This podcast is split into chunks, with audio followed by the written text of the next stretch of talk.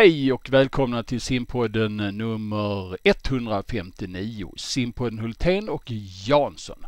Den här gången med simpanelen, det vill säga Marcus Wernström och Eh, Camilla Johansson, sponsor från Motala respektive Umeå, som eh, ska vara med och snacka om utvärdering inom simningen, men också hur vi samarbetar.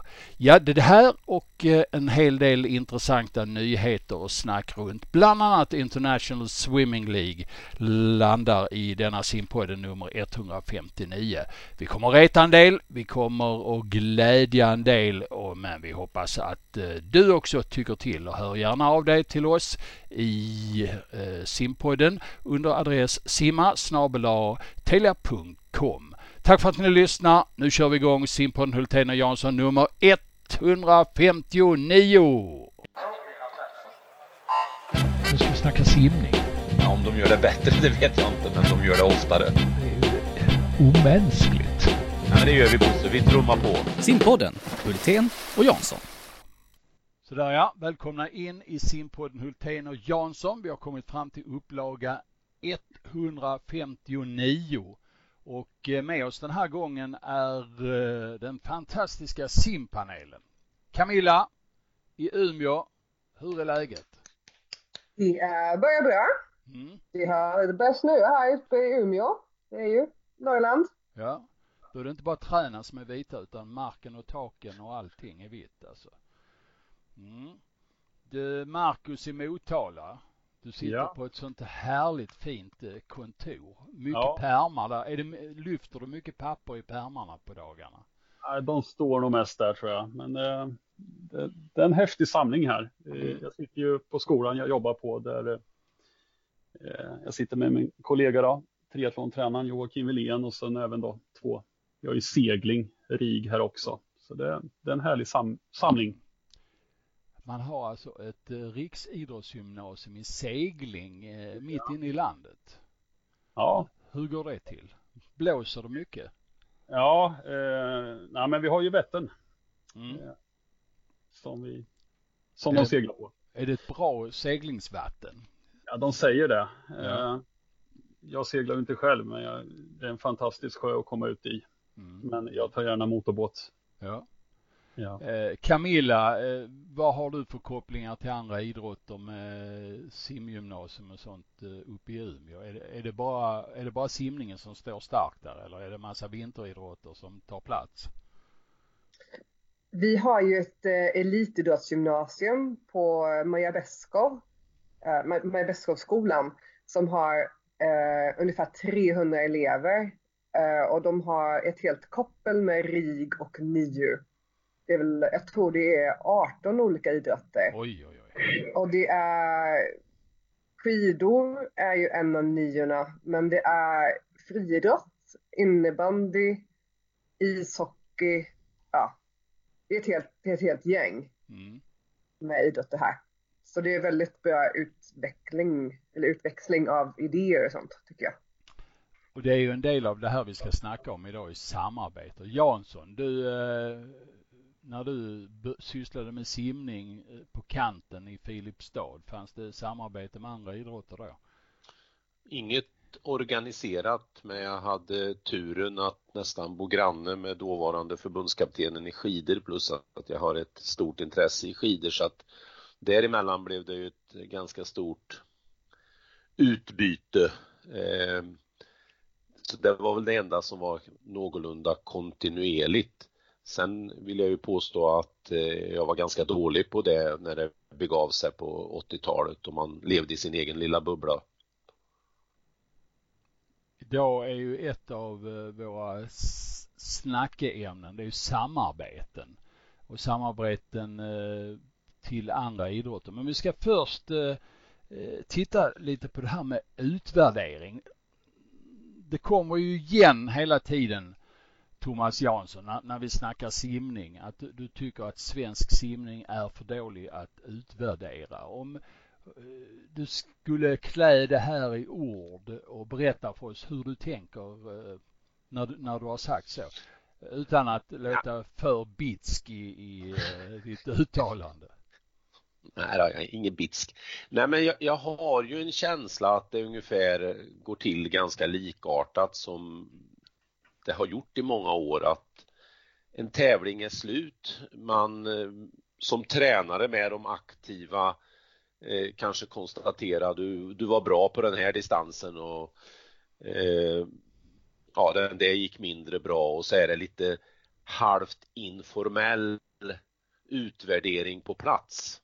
Och sen åker man hem och jag hoppas ju här nu att jag blir ordentligt motbevisad utav eh, Camilla och Marcus men sen åker man då hem och eh, det går några veckor där det är kanske uppehåll om vi tittar på sommaraktiviteten och sen startar verksamheten igång igen och däremellan har jag känsla, ingen känsla av att till exempel tränarna rapporterar in till styrelse hur, hur är utfallet sen förra året? Hur ser utvecklingskurvorna ut på de olika aktiva? Etc, etc, etc. Och min, min tes har ju varit att eh, det här är ett område som vi eh, ja, missköter är ju ett för starkt ord. Det kanske ligger i, i sakens natur med, med arbetsbörda och så vidare, men att det blir en ganska om man skulle titta på det utifrån ett vetenskapligt perspektiv klen utvärdering. Har Thomas rätt, Marcus? Eh, jo, det har han. Eh, samtidigt så ska jag erkänna att jag tycker att det, det är ett svårt ämne att utvärdera.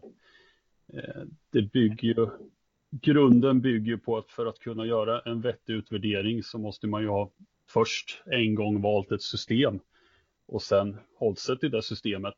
För annars så vet man ju inte vad man vad är det som har gjort att det har gått bra eller vad, det har gjort, vad är det som har gjort att det har gått mindre bra tänkte jag säga om man bara har hattat runt och hoppat på trender.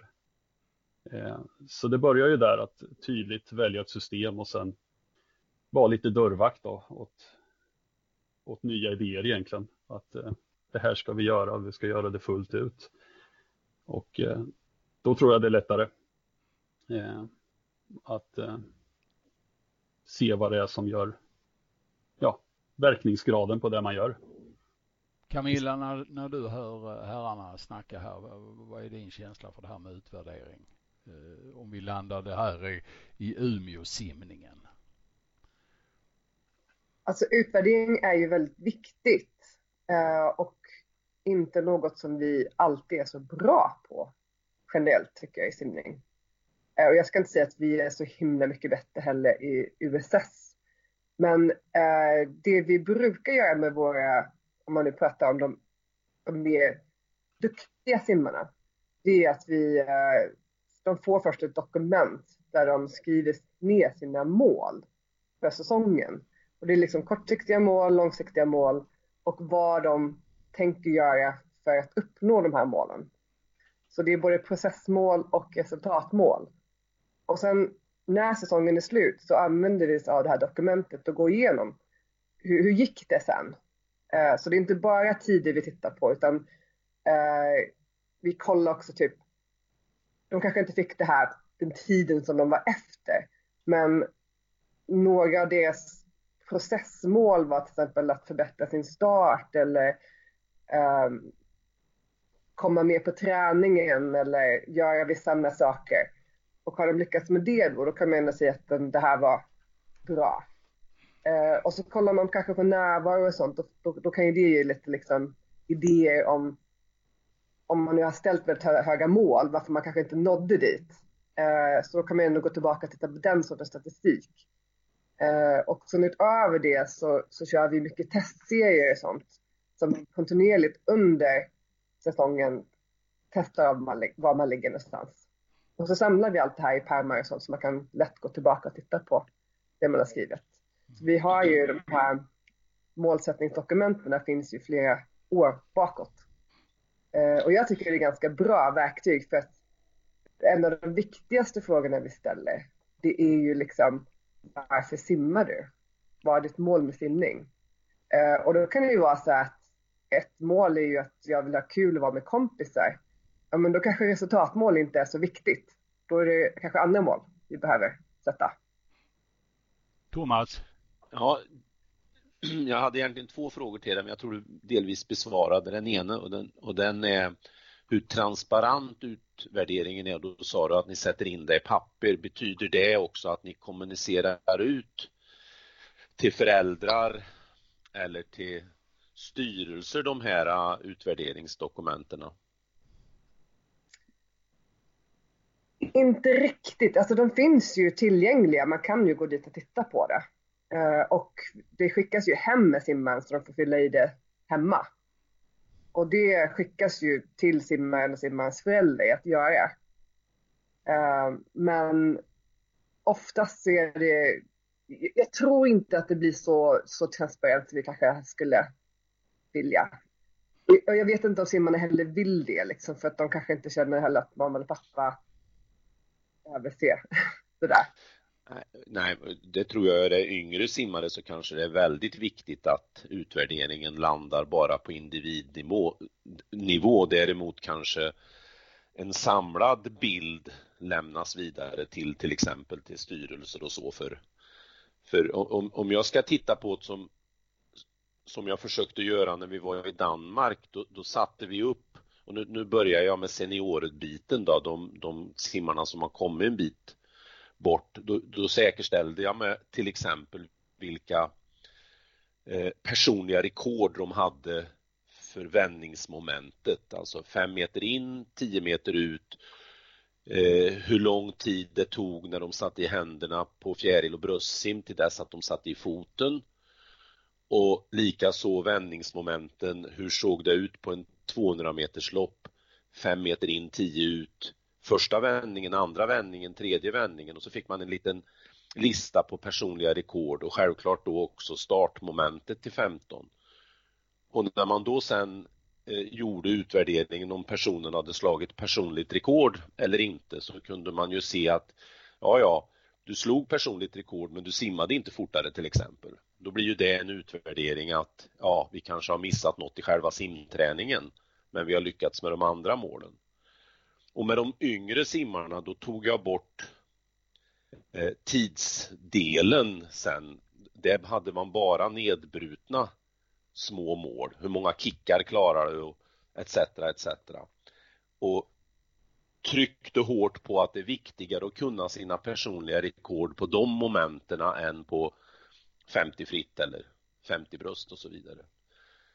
Men det tar ju en enorm tid att göra det och i Danmark trots att det var eh, är ganska hierarkiskt så den här typen av utvärdering behövde jag inte lämna till styrelsen. Däremot hade jag en ordförande som var oerhört påläst på utvecklingskurvor och så, så han kom ju ner nästan efter varje tävling och sa att ja, ja varför står den här still i utvecklingen och, och så vidare och så vidare. Så där kände jag att jag fick lov att vara riktigt på tårna helt enkelt.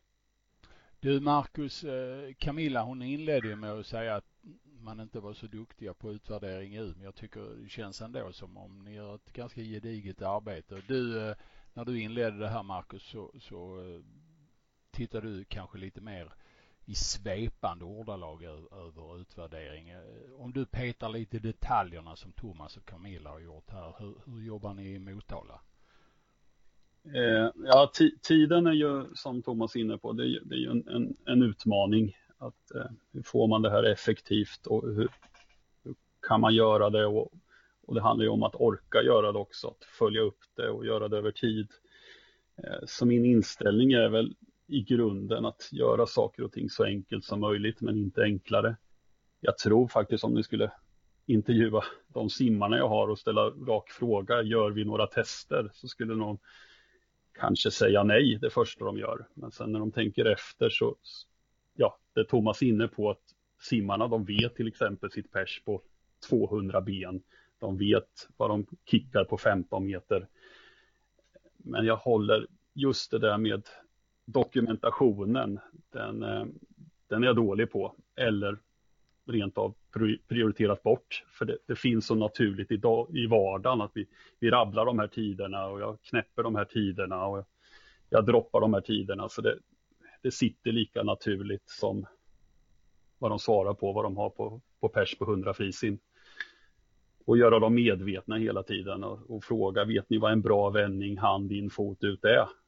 Ja, och sen kör, köra den vägen, men inte så att jag lägger ut i planeringen, idag är det tester och så har jag ett batteri och så går vi uppifrån och ner och ja, kommer med, med koner och måttband och den biten. Va? Utan, eh, mycket, ja, det här, alltså vi har ju samma förutsättningar varje dag, det är ju simningens fördel.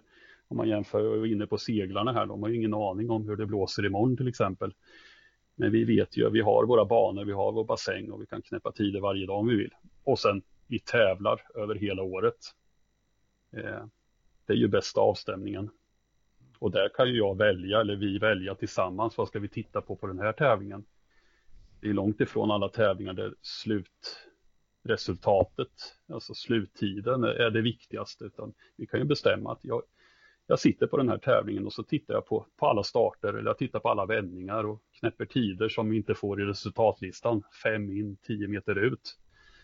Eh, det är mycket intressantare än att, att, skriva ner sina egna tider när man ändå får dem sen. Idag får man ju någon på live-timingen 30 sekunder efter avslutat lopp. Så där, eh, där har vi inte hängt med riktigt. Eh, I, i, nere i Danmark så fick jag ett bra engagemang ifrån simmarna själva när vi gjorde de där protokollen i de perioderna att Eh, jag, jag, tror vi var 17 stycken i den träningsgruppen. Då kanske tre eller fyra var på kanten och hjälpte till och både tog tider, filmade och förde in i, i Excel-ark och så vidare och så rullade det runt lite grann.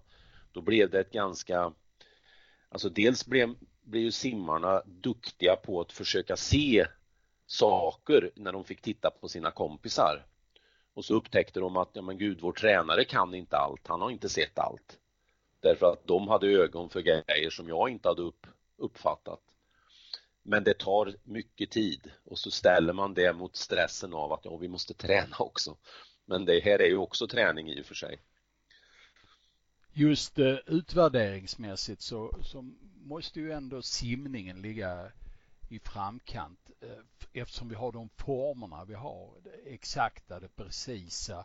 Eh, det är precis som du säger Marcus, vi har förutsättningar som är lika över tid, alltid. Va? I fotboll så är det väldigt mycket svårare att, att kanske utvärdera eller lagspel överhuvudtaget. Hur, vad är det man ska ut, utvärdera? Passningar, verkansgrad eh, och så vidare. Va? Eh, även om, om, om det är mer, är mer utvecklat så att men frågan är om de får en utvärdering eh, på ett sådant sätt. Så vi får ju på ett väldigt precis sätt. Men om vi tittar, det finns ju olika nivåer av simmare. Du, du, du nämnde några delar här Camilla eh, som ni tittar på. Men skiljer det mellan unga simmare, juniorer och seniorer? Vad ni utvärderar för någonting? Ja, det gör det ju. Det blir mer siffror kan man väl säga bland de äldre och mer uh, lite, lite mjukare värden på de yngre mer generellt. Uh, för att de yngre, de, det, det handlar ju mest om att de vill gå och träna för att de tycker det är roligt att vara där och vara med kompisar och sånt. Sen vill de ju simma bra också. Men, eh, uh, men då är det liksom andra mål som man får prata med dem om helt enkelt. Mm. Vi har ju snackat nu om, ska vi säga, utvärdering på individnivå. Eh, Marcus, om du, om du tittar över klubben och över helheten i verksamheten. Hur, hur eh, sätter ni upp eh, målen och hur utvärderar ni det på de här olika nivåerna? Eh, oj, rätt och stort tänkte jag säga. Eh, jag jobbar väldigt mycket, alltså, jag gillar ett uttryck positiv tröghet. Att man hela tiden känner att, att vi rör oss framåt och ibland så slår man ju loppar och kommer tillbaks igen. Och, men att det, det går upp och ner. Men att man hela tiden känner att vi rör oss i rätt riktning. Eh, och eh, för att känna det så tror jag att det är bra att mäta på, på många olika sätt och jämföra sig på många olika sätt. Eh, och även jämföra med andra och eh, kanske se då nyfiket på om, om, om en klubb eller en grupp eh, lyckas med någonting, vara nyfiken, ställa frågan. Eh, vi simmar ju DM i helgen. Det är lätt att se de bästa simmarna, va? men eh, vi hade en väldigt trevlig lördag där med duktiga Jönköpings simmerskor. Och eh, nu ser man ju inte simmarna lika ofta. Eh, men det var helt klart att Jönköping har jobbat otroligt hårt med att sätta aktiva vändningar. Det syndes i de här tävlingsloppen. Dels att först måste man ju vara tränad för att orka vara aktiv i vändningen. Men sen gjorde de det faktiskt också. Så det var det första jag berömde. Det var häftigt att se hur ni jobbar med era vändningar. Eh, och det visade sig att tränarna blev ju jätteglada för det har ju varit ett medveten övning på det. Eh, så jämföra med omgivningen tänkte jag säga och det häftiga är ju när man ser då att man, man själv, sitt egna lilla gäng, rör sig lite fortare än omgivningen. Det är häftigt. Mm. Eh, ja. Thomas, dina tankar om det här med olika nivåer, olika åldersklasser. Mjuka värden på en sida, mycket siffror, mer taggigt och vetenskapligt på andra sidan. Jag tyckte Camilla uttryckte det väldigt väl inledningsvis här när, eh, när du var inne på det här att de flesta är där av de yngre för att det är roligt och att de trivs och det innebär ju att då är ju det en väldigt viktig parameter när vi eh, sätter upp målen för, för eh, de yngre. Det kanske det egentligen bara handlar om det tillsammans med kanske övningar som inte är så mätbara men ändå så skapar en, en god kontakt för de unga med då vattnet. Eh, annars så kan jag tänka mig att man ja, om jag skulle då generalisera och säga att jag 12-13 år och yngre då är det inga tidsmål utan då är det tekniska mål man försöker utvärdera men möjligtvis något litet tidsmål. Eh, kommer man upp på juniornivån, om vi då skulle kalla den 13 till 17-18 år, eh, så är det förutom tekniska mål, då kommer det ju mer och mer tidsmål in. Dels blir de i de flesta fall mer motiverade när man kopplar ihop ett tidsmål för de kan verkligen se och inte bara känna att en vändning till exempel har blivit bättre eller till 15 har blivit bättre efter start. Och även då när man kommer upp på seniorer så ligger ju de tekniska målen kvar men de ser ju helt annorlunda ut än de gör i de yngre eh, åldrarna och är ibland nästan så så eh, svåra att upptäcka med ögat att där måste kanske testsituationen innehålla en filmning. Du måste kanske se under vattnet för att verkligen upptäcka det där som, som man eh, hade satt upp som mål att förbättra. Och så kommer ju tidsmålen in och eh, ja, någonting så kan jag se att en stegning, stegring och progression är när det gäller utvärderingen. När ni utvärderar gruppen, simgruppen, de olika nivåerna från ja, de allra yngsta upp till eh, de äldsta, vad använder ni för verktyg då Camilla? Om du tittar på en hel grupp, där kan du inte bara gå in och säga en 13,8 mot eh, 1.10.6 utan där är det andra parametrar som du leker med. Ja, men där tittar man mycket på närvaro. Um, är det någon som varit skadad? Uh, hur verkar de trivas? Uh, lite andra saker. Hur fungerar kompisgängen? Um, och har de, en, har de förbättrats under året som grupp liksom? Uh, eller står de stilla? och vad kan vi göra för att liksom förbättra det för dem. Räknar ni starter på eh, Simiaden, Sumsim region och sånt där och använder det som ett verktyg? Nej. Nej. Marcus? Ja, eh, lite grann. Eh, eftersom jag, jag vill hålla bredd i mätningen tänkte jag säga. Så det, eh, men sen så måste man ju ta lite steg två. Varför? Varför hade vi fler eller färre starter just nu? Och så får man ju någonstans ja, bestämma sig för, för vad, är, vad är orsaken. Jag säga. Men, eh, jag tittar på sånt. Jag tittar även, även om vi är en liten klubb och inte bryr oss om några klubbpoäng så jag klickar på den filen. Eh, jag tittar på det. Eh, 2015 så var vi i en generationsskifte i Motala där jag skulle precis börja om en ny generation. Det blir ju ofta så i en liten klubb att man, man bestämmer sig, man tar ett gäng och man försöker få med sig en svans och så gör man en resa och tyvärr så blir det lite stilke precis bakom. Men så kör man en resa och då, då är det kul att titta på det här. 2015 så var vi sämst på DM, vår östsvenska mästerskap. Det var 14 klubbar på plats. Vi var 14. Eh, 2016 så var vi eh, åttonde. Förlåt, jag är ett år fel nu. 16, 17 skulle det vara. 2018 så mest på skoj så sa jag till simmarna, då berättade jag det här för dem första gången, att för två år sedan så var vi sämst och förra året var vi åtta. Ska vi försöka bli femma i år? Och de tyckte det var jättehäftigt. Det slutade med att vi hade en katastrofhöst. Så jag åkte med, nej jag var inte ens med själv tänkte jag säga på DM, utan det var sådana katastrof höster där alla var sjuka och in, ingenting funkade.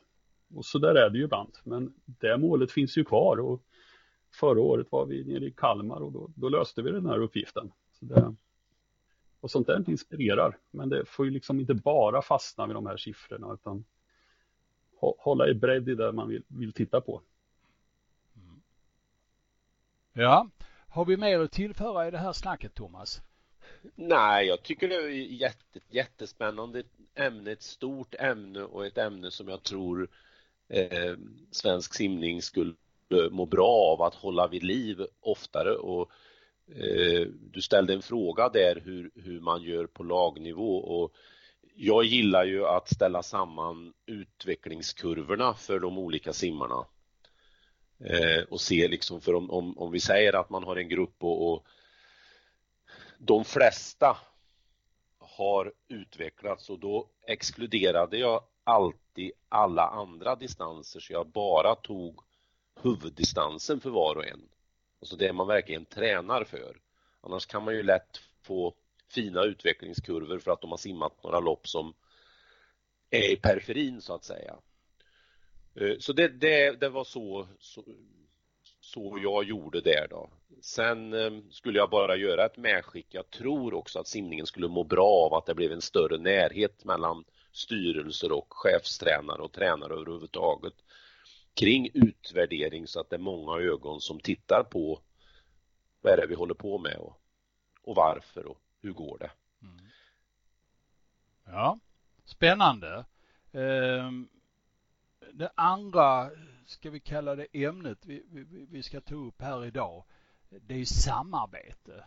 Eh, samarbete inom ramen för klubben, ut till andra klubbar, ut till andra idrotter, andra typer av samarbete. Jag, jag vill minnas att eh, när jag gick på GH, jag gick på simlinjen någon gång i formtiden, det som för mig var de största aha-upplevelserna, det var det jag fick eh, uppleva från de andra idrotterna där man kunde ta information och sen implementera i sin egen simverksamhet.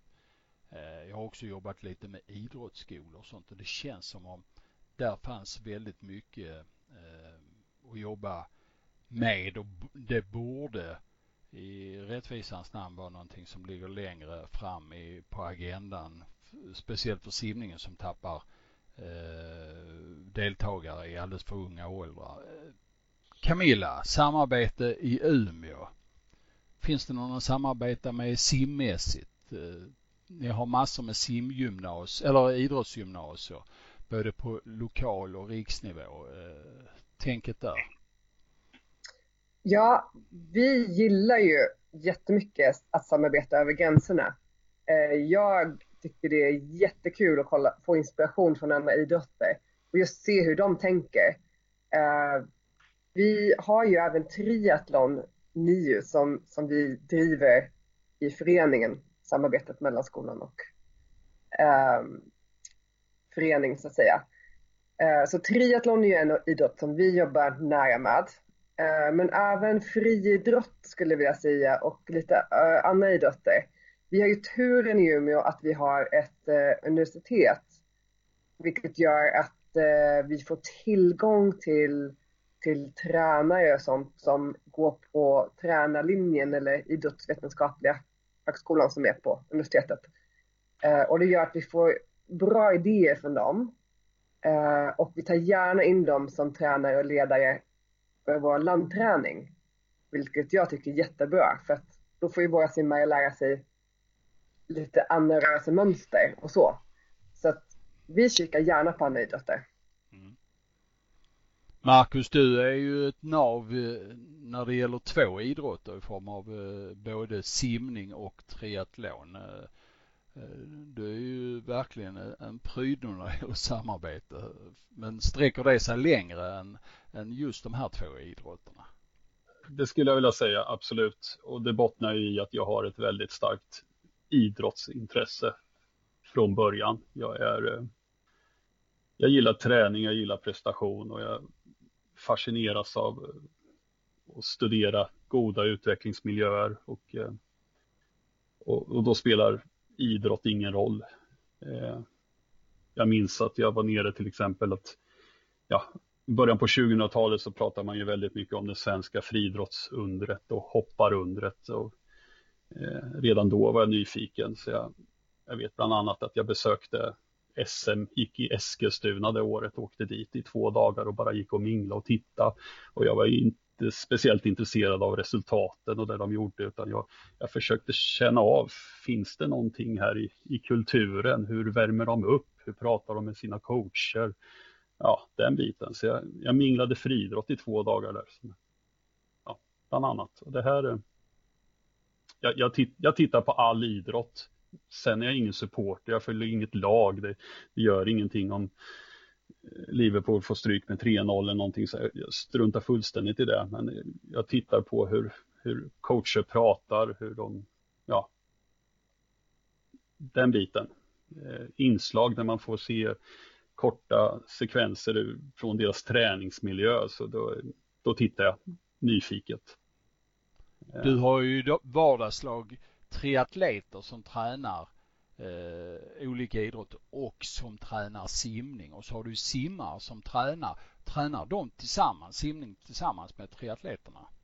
Ja, eh, vissa pass gör vi det. Eh, mm. då, har jag, då har jag båda, båda hattarna på mig. Mm. Hur, hur, om vi tittar på dina simmar där. Eh, vad ger triatleterna eh, dina specialsimmar om man kan uttrycka sig så? Vad är det de kan ta upp från triatleterna och vad är det de tar upp? Ja, framförallt nu så de senaste åren när jag har byggt upp eh, simsällskapet gäng med, med ungdomar så har ju förebilderna funnits i triathlon. De har inte funnits naturligt i, i, i simningen, i simklubben. Eh, vi har haft några, några år där vi inte har varit på JSM eller SM, men istället så har vi haft tre atleter i vardagen som har varit på en himla hög nivå. Eh, som presterar då internationellt och det spelar ju inte så stor roll om inte de simmar fort utan de, de har ju med sig det här elittänket i sina förberedelser och i sitt fokus och den biten. Eh, så det är ju jättenyttigt. Är, simma, är simmarna med triatleterna och tränar de andra idrotterna någon gång? Löpning, ja. cykel, styrka och, och så vidare? Ja, eh, de som vill och de som kan. Eh, det kan ju absolut vara så att jag, vi har fått simmare som absolut inte passar på land tänkte jag säga. Då, då tvingar jag ju ingen. Eh, men vi har en grupp som springer en till två dagar i veckan med, med triatleterna. Jansson, från dina år på bassängkanten, hur har samarbetet sett ut? Jag nämnde lite inledningsvis att, att i min eh, yngre karriär som tränare så var jag nära eh, skidåkningen av olika skäl.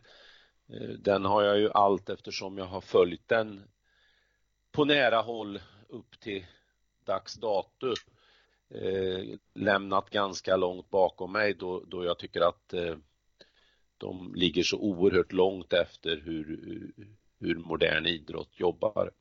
Men annars så hade jag ju förmånen i Danmark att ha tre atleter i laget också. Eh, en eh, drygt 30-årig kvinna som då hade tagit medalj på Europamästerskapen Och sen hade jag två eh, juniorer som var i landslaget för triathlon. Och det de tillförde speciellt, det var det egna drivet.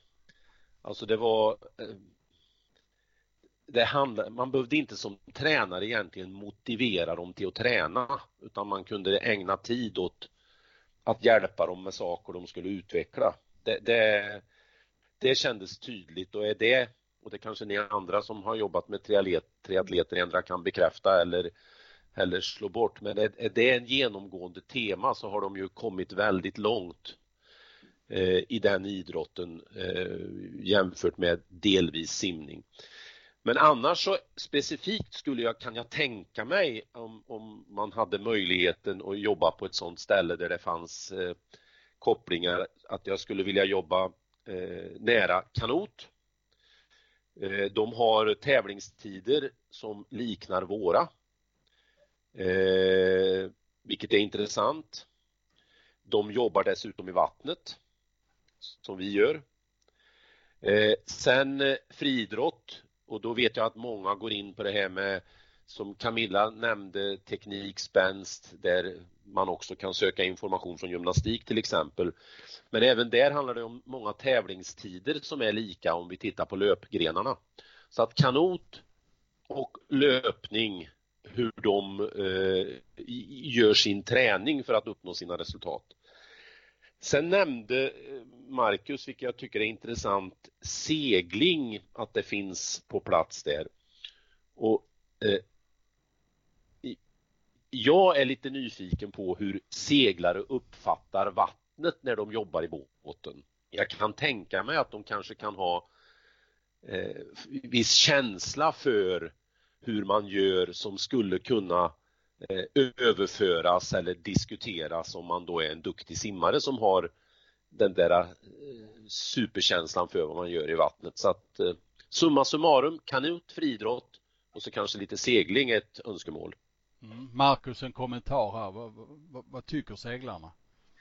Eh, nej, men det kan jag nog bekräfta. Det. Seglarna får alltid en liten crawlkurs. Ibland är det jag som står på kanten eller så är det någon av, av simmarna eller triatleterna. Eh, det är ju bra om de kan simma. De, de ramlar ju i emellanåt.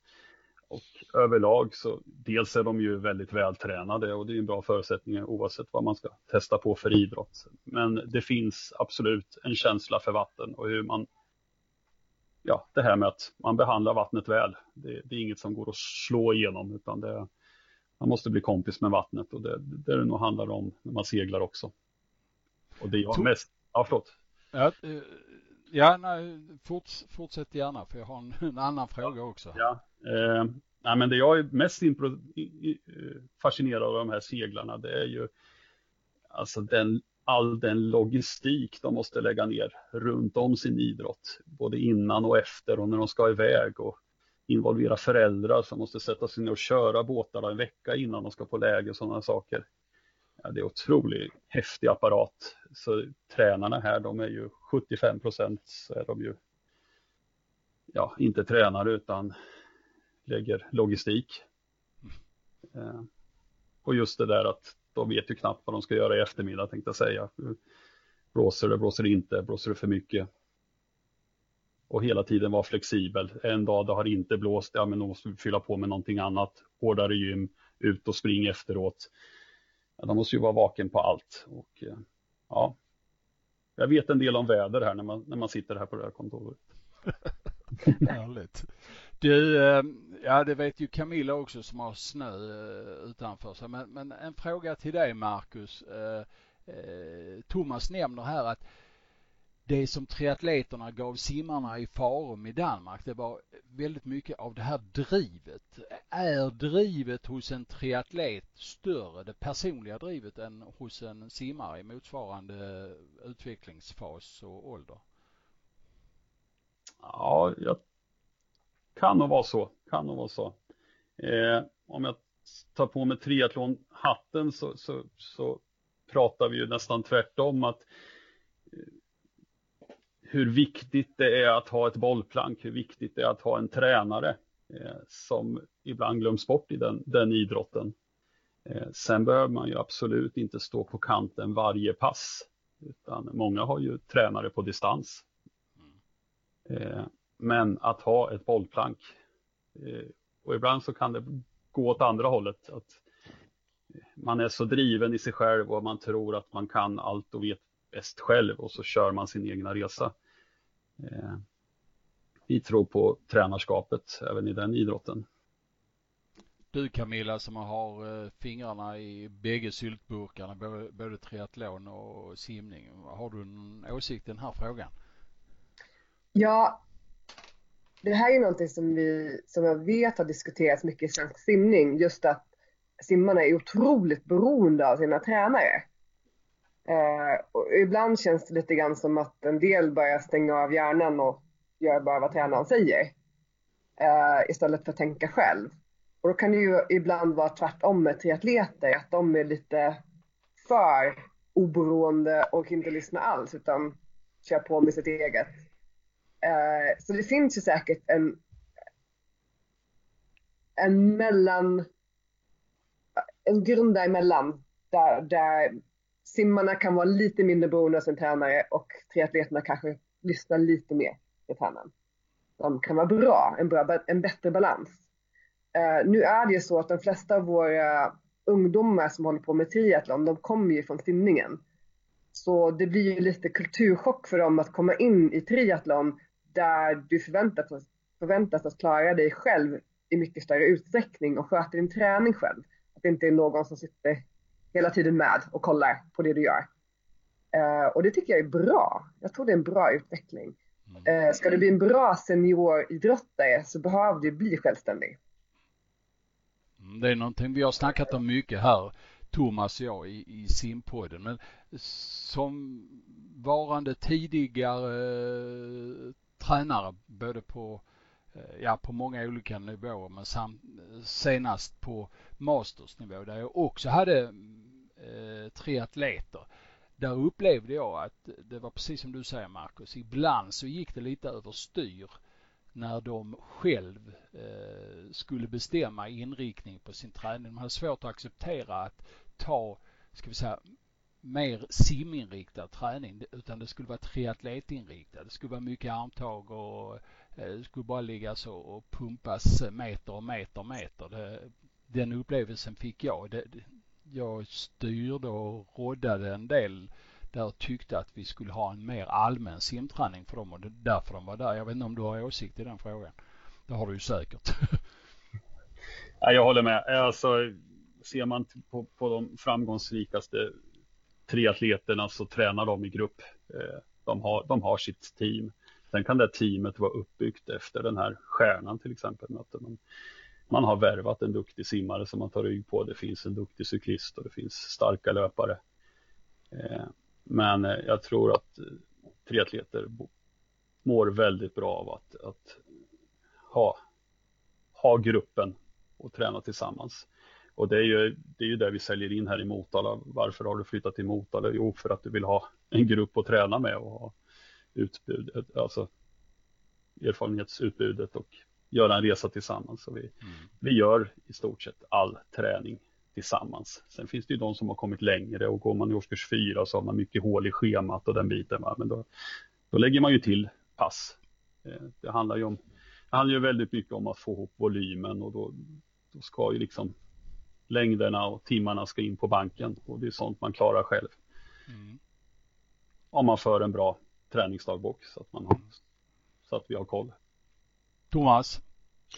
Ja, understryka det väl Camilla sa om det här att vi, vi har en läxa åt ena hållet inom simningen och kanske de, en del triatleter har en läxa åt andra hållet. I Danmark var jag lyckligt lottad därför att eh, Eh, kvinnan jag nämnde, hon i princip kom och sa att jag, jag klarar 1500 meter på 19.20 eller vad det var och jag är inte riktigt med fram till första växlingen när jag ska cykla. Eh, hon var väldigt bra på att cykla. Jag, jag behöver ner på 18.20, 18.30. Hur gör jag?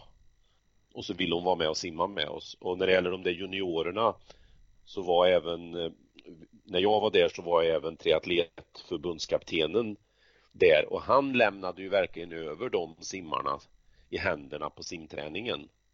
Eh, men däremot när han själv körde simträning med triatleterna, då var det triatletträning han gjorde kan man säga. Men, men han var flexibel. Så det var, ja. det var ett trevligt samarbete. Mm. Jaha, då så har vi kommit till eh, vägs ända när det gäller simpanelen då. Har du någonting att tillägga? Camilla, vad ska du göra idag? Vad ska jag göra idag? Ja, nu. när vi är klara här. Du kan inte sitta här och snacka hela dagen. Nej, du vill veta allt. Eh, jag ska faktiskt gå och eh, handla födelsedagspresenter till min dotter som fyller 15 imorgon. Mm. Härligt. Lite sent påtänkt men bättre sent än aldrig. Ja. Mackan du, vad, vad händer idag i Motala? Eh, ja, eh, träning i eftermiddag klockan fyra och sen är det en viktig paddelmatch ikväll. Oh. Ja, spela serie nu så det, ja, oh. då växer hornen. Ja, jag förstår. Härligt. Ja. Eh, då tack, ja Camilla. Jag tänkte säga också att jag, jag ska ju simma självklart också. Mastersimning, ja jag simmar ju fem gånger i veckan. Ja. Tack Men du, ni har slutat simma i Umeälven nu för säsongen va eller? Uh, vi har, men vi har fortfarande masterskollegor som uh, är i älven varje dag. Mm, har, vi har lite vandringar på vårt lag. Ja, ja. Jag, jag har läst, läst om mm. sådana. Ja. Mm. Ja, mm. Jo då, eh, jag förstår. Eh, det finns bot mot allt. Tack snälla för att ni var med idag. Eh, Marcus, eh, Camilla och eh, om en liten stund så ska det bli lite andra simnyheter. Tack och hej. Ses, ses, ser vi er om ett tag igen. Hej hej! Tack! Tack tack! Hej! Nu ska vi snacka simning. Ja, om de gör det bättre det vet jag inte, men de gör det oftare. Det är ju omänskligt. Ja, men det gör vi Bosse, vi trummar på. Simpodden, Hultén och Jansson. Då så har vi eh, sorterat in simpanelen i eh, början av programmet och så ska vi gå vidare. Härligt att snacka med Camilla och Marcus tycker jag. Vad tycker du Thomas? Det är jättehärligt och inspirerande och som jag tror jag sa förra gången vi, vi summerade, det blir också lärorikt varje gång för det blir infallsvinklar eh, och nya tankar. Så att eh, all credit till Camilla och Marcus. Mm, bra. Eh, fortsättningsvis då här i eh, simpodden nummer 159. Vi har ju fått en del simmare som har åkt till USA eller har meddelat att de ska till USA och har signat eh, olika universitet. Som Björn Seliger, eh, vår duktig sprinter, han eh, har ju kommit över till eh, eh, Berkeley. Ja, mm, lite anrika för anrika, svensk simning. Ja. Mm. han kommer ju också få en efterföljare, en svensk till där eh, nästa år, Robin Hansson. Mm. Så det kommer ju bli, vara två av de absolut bästa unga svenska simmarna kommer ju ligga i Berkeley och det, det känns ju som man samlar ihop sig igen eh, precis som man gjorde en gång eh, på 80-talet när eh, herrar Arvidsson, Holmertz, Leidström och ja, vem det nu var med. Det var ju Söderlund och ett helt gäng som var där. Baron naturligtvis. Mm. Halva landslaget på här sidan var där. Ja. Plus Agneta Mårtensson som hon heter då. Eh, av mm. damsimmarna. Ja. Mm. Och sen eh, har ju då Edith Järnstedt, vår duktiga fjärilsimmerska, eh, också signat för The Sunshine in Florida. Florida State ska hon simma på. Det är väl eh, inte heller fel. Där finns det ju svensk på kanten. Mm. Det, det, är ju trevligt ju. Och det kan ju vara bra eh, med en svensk tränare som eh, eh guidar Eh, simmerskorna där. Eh, Julia Månsson, Örebrosimmerskan, ska också dit och det finns fler som eh, ännu inte har flaggat upp som är klara för Florida. Så det kommer också bli ett svenskt ställe i framtiden. Mm, det känns bra att de tar chansen och både satsar på simning och utbildning för det är ju det som är storheten med att kunna komma över till USA. Mm. Vad är det mer som eh, kan vara bra med att eh, eh träna i USA som du ser det historiskt sett? Alltså, det är ju en, det är en komplex fråga Bosse därför att tyvärr har vi också haft väldigt många som har kraschat när de har kommit över. Eh, det gäller att man kommer till ett universitet där man helst är så pass viktig för laget så man lite grann kan påverka sin egen träning så man inte bara blir en i mängden för då, då finns det lite eh, baksidor. Eh, men annars är det ju det här att man byter miljö, man får med sig ett, ett eh, annat språk fullt ut som gör att man växer som människa. Man får tävla i, i ett nytt koncept som då inte alls eh, liknar det vi har här hemma som också gör att man växer. Så att det finns många saker som, som eh, påverkar utvecklingen positivt. Och då är det ju viktigt som sagt att det finns, som du säger, en miljö som är bra. Men som i Florida State där Emma Svensson, den före detta Uppsala simmerskan, är assistant coach. Det är, det är väldigt bra för simmarna att hon finns på plats där. En bra connection och, mm. och kunna känna av. Och det är ett stort ansvar för Emma också naturligtvis att se till att de här tjejerna mår bra. Mm. Men det är klart, så... det, det, är gött. Har man en bra miljö i Florida så kan man väl eh, överleva ett antal år som mm. simmare, kan mm. tycka. Mm. Vi får försöka att ha kontakt med några av dem kanske och höra hur de har det någon gång mm. vid tillfälle. Ja, och Emma är duktig att höra av sig också så att eh, mm. eh, där ska vi nog kunna hitta en bra mm. kontakt. Du, eh, vad har vi mer eh, att eh, anföra till Eh, Eh, vårt försvar här när det gäller eh, eh, simning. Vi har ju varit igång och jobbat lite med ISL här i några matcher här i, i bakåt i, i veckan. Vad, vad var känslan? Vad tyckte du om det hela? Nej men jag tycker att tävlingen eh, håller måttet. Förra året visste vi ju inte så mycket när den drog igång. Då var det liksom så nytt, vi hade inga förväntningar och så summerade vi som att det här var positivt bra för den internationella simningen. I år hade vi lite mer förväntningar. Vi visste ungefär vad som skulle vänta när det skulle vara eh, en match. Man hade justerat lite i, i reglerna så att det blev ännu mer spektakulärt kan man väl säga. Eh, tror, hoppas verkligen att det här tävlingsformatet och den här finansiären av simning eh, blir långvarig. Eh, skulle kanske hoppas i så fall att det också blir tävlingar på våren för att det ska mer likna eh, hur lagtävlingar är inom fotboll, hockey och så vidare för att vi på det sättet ska växa in i att få några favoritlag. För det tror jag är det svåra tricket. Sen tyckte jag ju det var härligt att se att Sara är igång och på det sätt hon tog sig an den här utmaningen. Jag blev ju grymt imponerad utav den här eh, fyrtalet hon gjorde med 100 frisim, 100 medley, 200 frisim och 50 frisim och sen en lagkapp på det som ett femte lopp.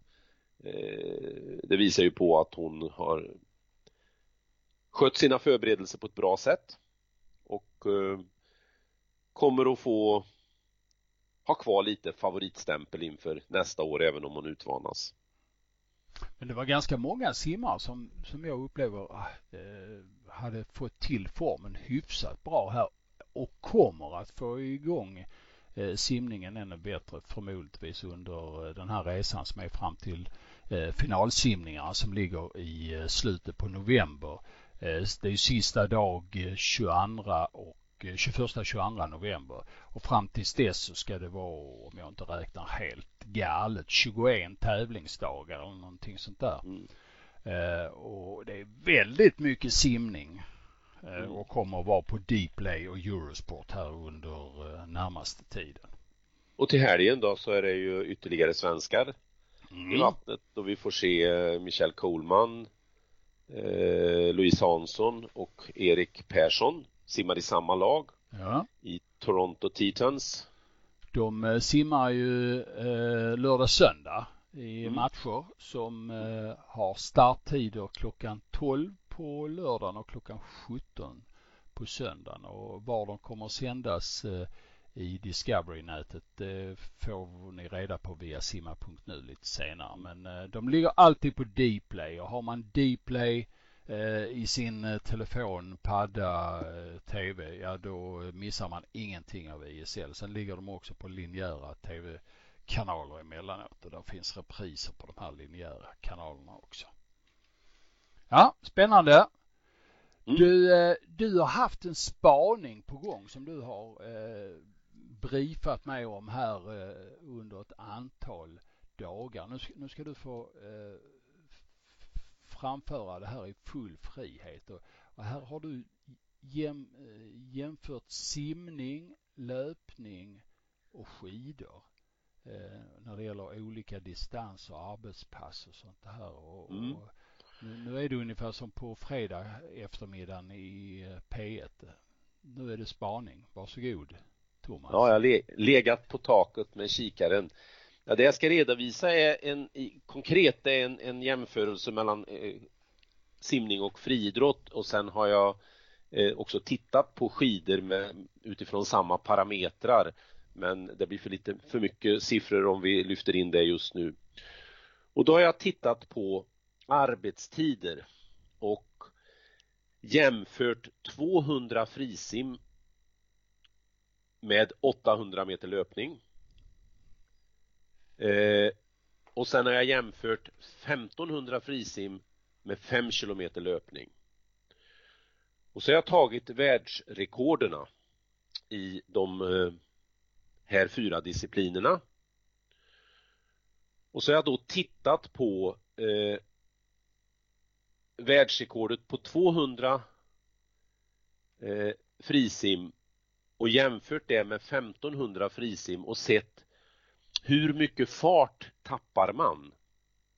Och då kan man göra det enkelt och säga som så här att eh, eh herrarna i simningen de snittar 51 sekunder när de simmar 200 frisim och så snittar de 58 sekunder när de simmar 1500 frisim. Och vad menar du då med snittar? Ordet ja, snittar. per hundring. Ja. Per hundring. Så och det, det innebär att de, de tappar lite förenklat ungefär 7 sekunder i fart genom att arbeta i 15 minuter istället för i, i eh, 1.40. Eh, samma sak på damsidan eh, 56,5 är ju snittet per hundring på världsrekordet på 200 fritt och så tittar man då på vad världsrekordet är på 1500 frisim 15 och 15 eller 15, lite över 15 och 15 så får man en diff på 4,8 sekunder. Så man, man kan konstatera att simmarna klarar väldigt väl att hålla en fart ganska nära den fart de har på 200 meter. Och nu är det inga slutsatser jag egentligen kommer till utan det här är ett sätt att börja reflektera kring är det som så att vi tränar för ineffektivt för de kortare sträckorna och det är därför det är en liten skillnad eller är vi så duktiga på att träna på de, Eh, för att klara av ett 15 minuters arbete och ställer jag då det här mot friidrott så är ju världsrekordet på 800 meter löpning eh, för herrarna 1,41 och för damerna 1,53. Eh, och då kan man säga att per varv eh, motsvarande så är det för herrarna 50,5 och damerna 56,6. Och så går jag in och tittar på när damer och herrar ska springa 5 kilometer, alltså samma arbetstid som simmarna har på 1500. Då blir diffen eh, betydligt högre. De går upp, eh, om vi tittar på herrsidan löpning, de går upp alltså nästan 10 sekunder istället för simherrsidan som går upp 7 sekunder. Och tittar man på damernas 5000 meter så går de upp 11 sekunder i skillnad per i princip per arbetad minut. Eh, att jämföra då med, med damernas på simsidan som var 4,8. Och nu, nu, är det ju ett problem här för att Ketty Lidekis 1500 är ju exceptionellt bra ställt i en sån här jämförelse. Men summerar man den här så kan man konstatera att jaha och, och, och reflekterar varför när simmarna ska fortsätta att arbeta kan de ligga så nära sin höga hastighet de har på det korta arbetet. Varför kan inte en friidrottare göra det? Eh, då, då den kloke säger som säger, ja men du har brister i din analys här om du ska dra någonting. En simmare får ju vända. Då får man en mikropaus och så får man ett litet eh, eh en farthöjning ut ur vändningen. Eh, och det är sant. Å andra sidan kan man också säga, lägga som, säga som så här, ja men simningen kan inte andas när man vill. Man, man har att leva med att den syre man kan ta på sin korta andning och sen måste man vänta till man kan andas nästa gång. På friidrottssidan, när man tittar på de här världsrekorden så har det också funnits harar inblandade ibland. Som då är till eh, friidrottens fördel. Och då, när jag såg de här grejerna så tänkte jag det, oj, är det vi som tränar omodernt för det korta? Eller är det löparna som tränar omodernt på det lite längre? Borde de här siffrorna vara samstämmiga? Och det vet inte jag, men det, det är ju roligt att lyfta olika ämnen och reflektera kring. Och då gick jag in och tittade på farter i skidor. Där, där tillkommer ju en del komplicerade saker utifrån före och så vidare, men jag tittade på lite eh, sprintlopp som de har som de tar ju någonstans mellan två och tre minuter. Hyfsat jämförbara med löpningens och simningens eh, distanser. Och så tittar jag på deras fem kilometers tider på skidor och upptäckte att även de tappar mer än vad simmarna gör i förhållande till högsta hastigheten. Eh, och det var min spaning eh, som jag då skickar ut i luften liksom eh, kan det här vara något att fundera på? Ska vi eh, borde friidrottarna träna annorlunda? Eller borde vi på sprintsidan träna annorlunda? Tränar vi för mycket uppåt det aeroba hållet på simsidan så att våra resultat på 100 och 200 frisim är för dåliga? Det vet jag inte, men det var min spaning. Mm. Hänger du med? Ja, jag, jag, är helt med. Eh, intressant ja. och det finns naturligtvis invändningar eh, mot eh, alla, alla olika led här och den som tycker någonting eh, och har en åsikt och, och eh, har ett engagemang har säkert invändningar på sitt sätt. Va? Mm. Och det kan ju föra saken framåt om de torgför den. Absolut, absolut. Ja. Och är det någon som tycker någonting så får ni väldigt gärna höra av er. Eh, vill ni mejla så mejlar ni till simma telia.com simma telia.com så kan eh, vi ta upp eh, ert resonemang i podden. Jag är glad att du inte frågar Thomas, har du inget liv som spanar på sådana här saker? Nej, men alltså det vet jag ju om. ja, precis. Att du trots allt har något, ja. Eh, men ja. även om det är stympat av simningen. Men, men eh, det är väl en del av livet här. Ja, det är fascinerande att titta på olika saker. Det är faktiskt, ja. det ägnar jag många timmar åt varje vecka. Mm.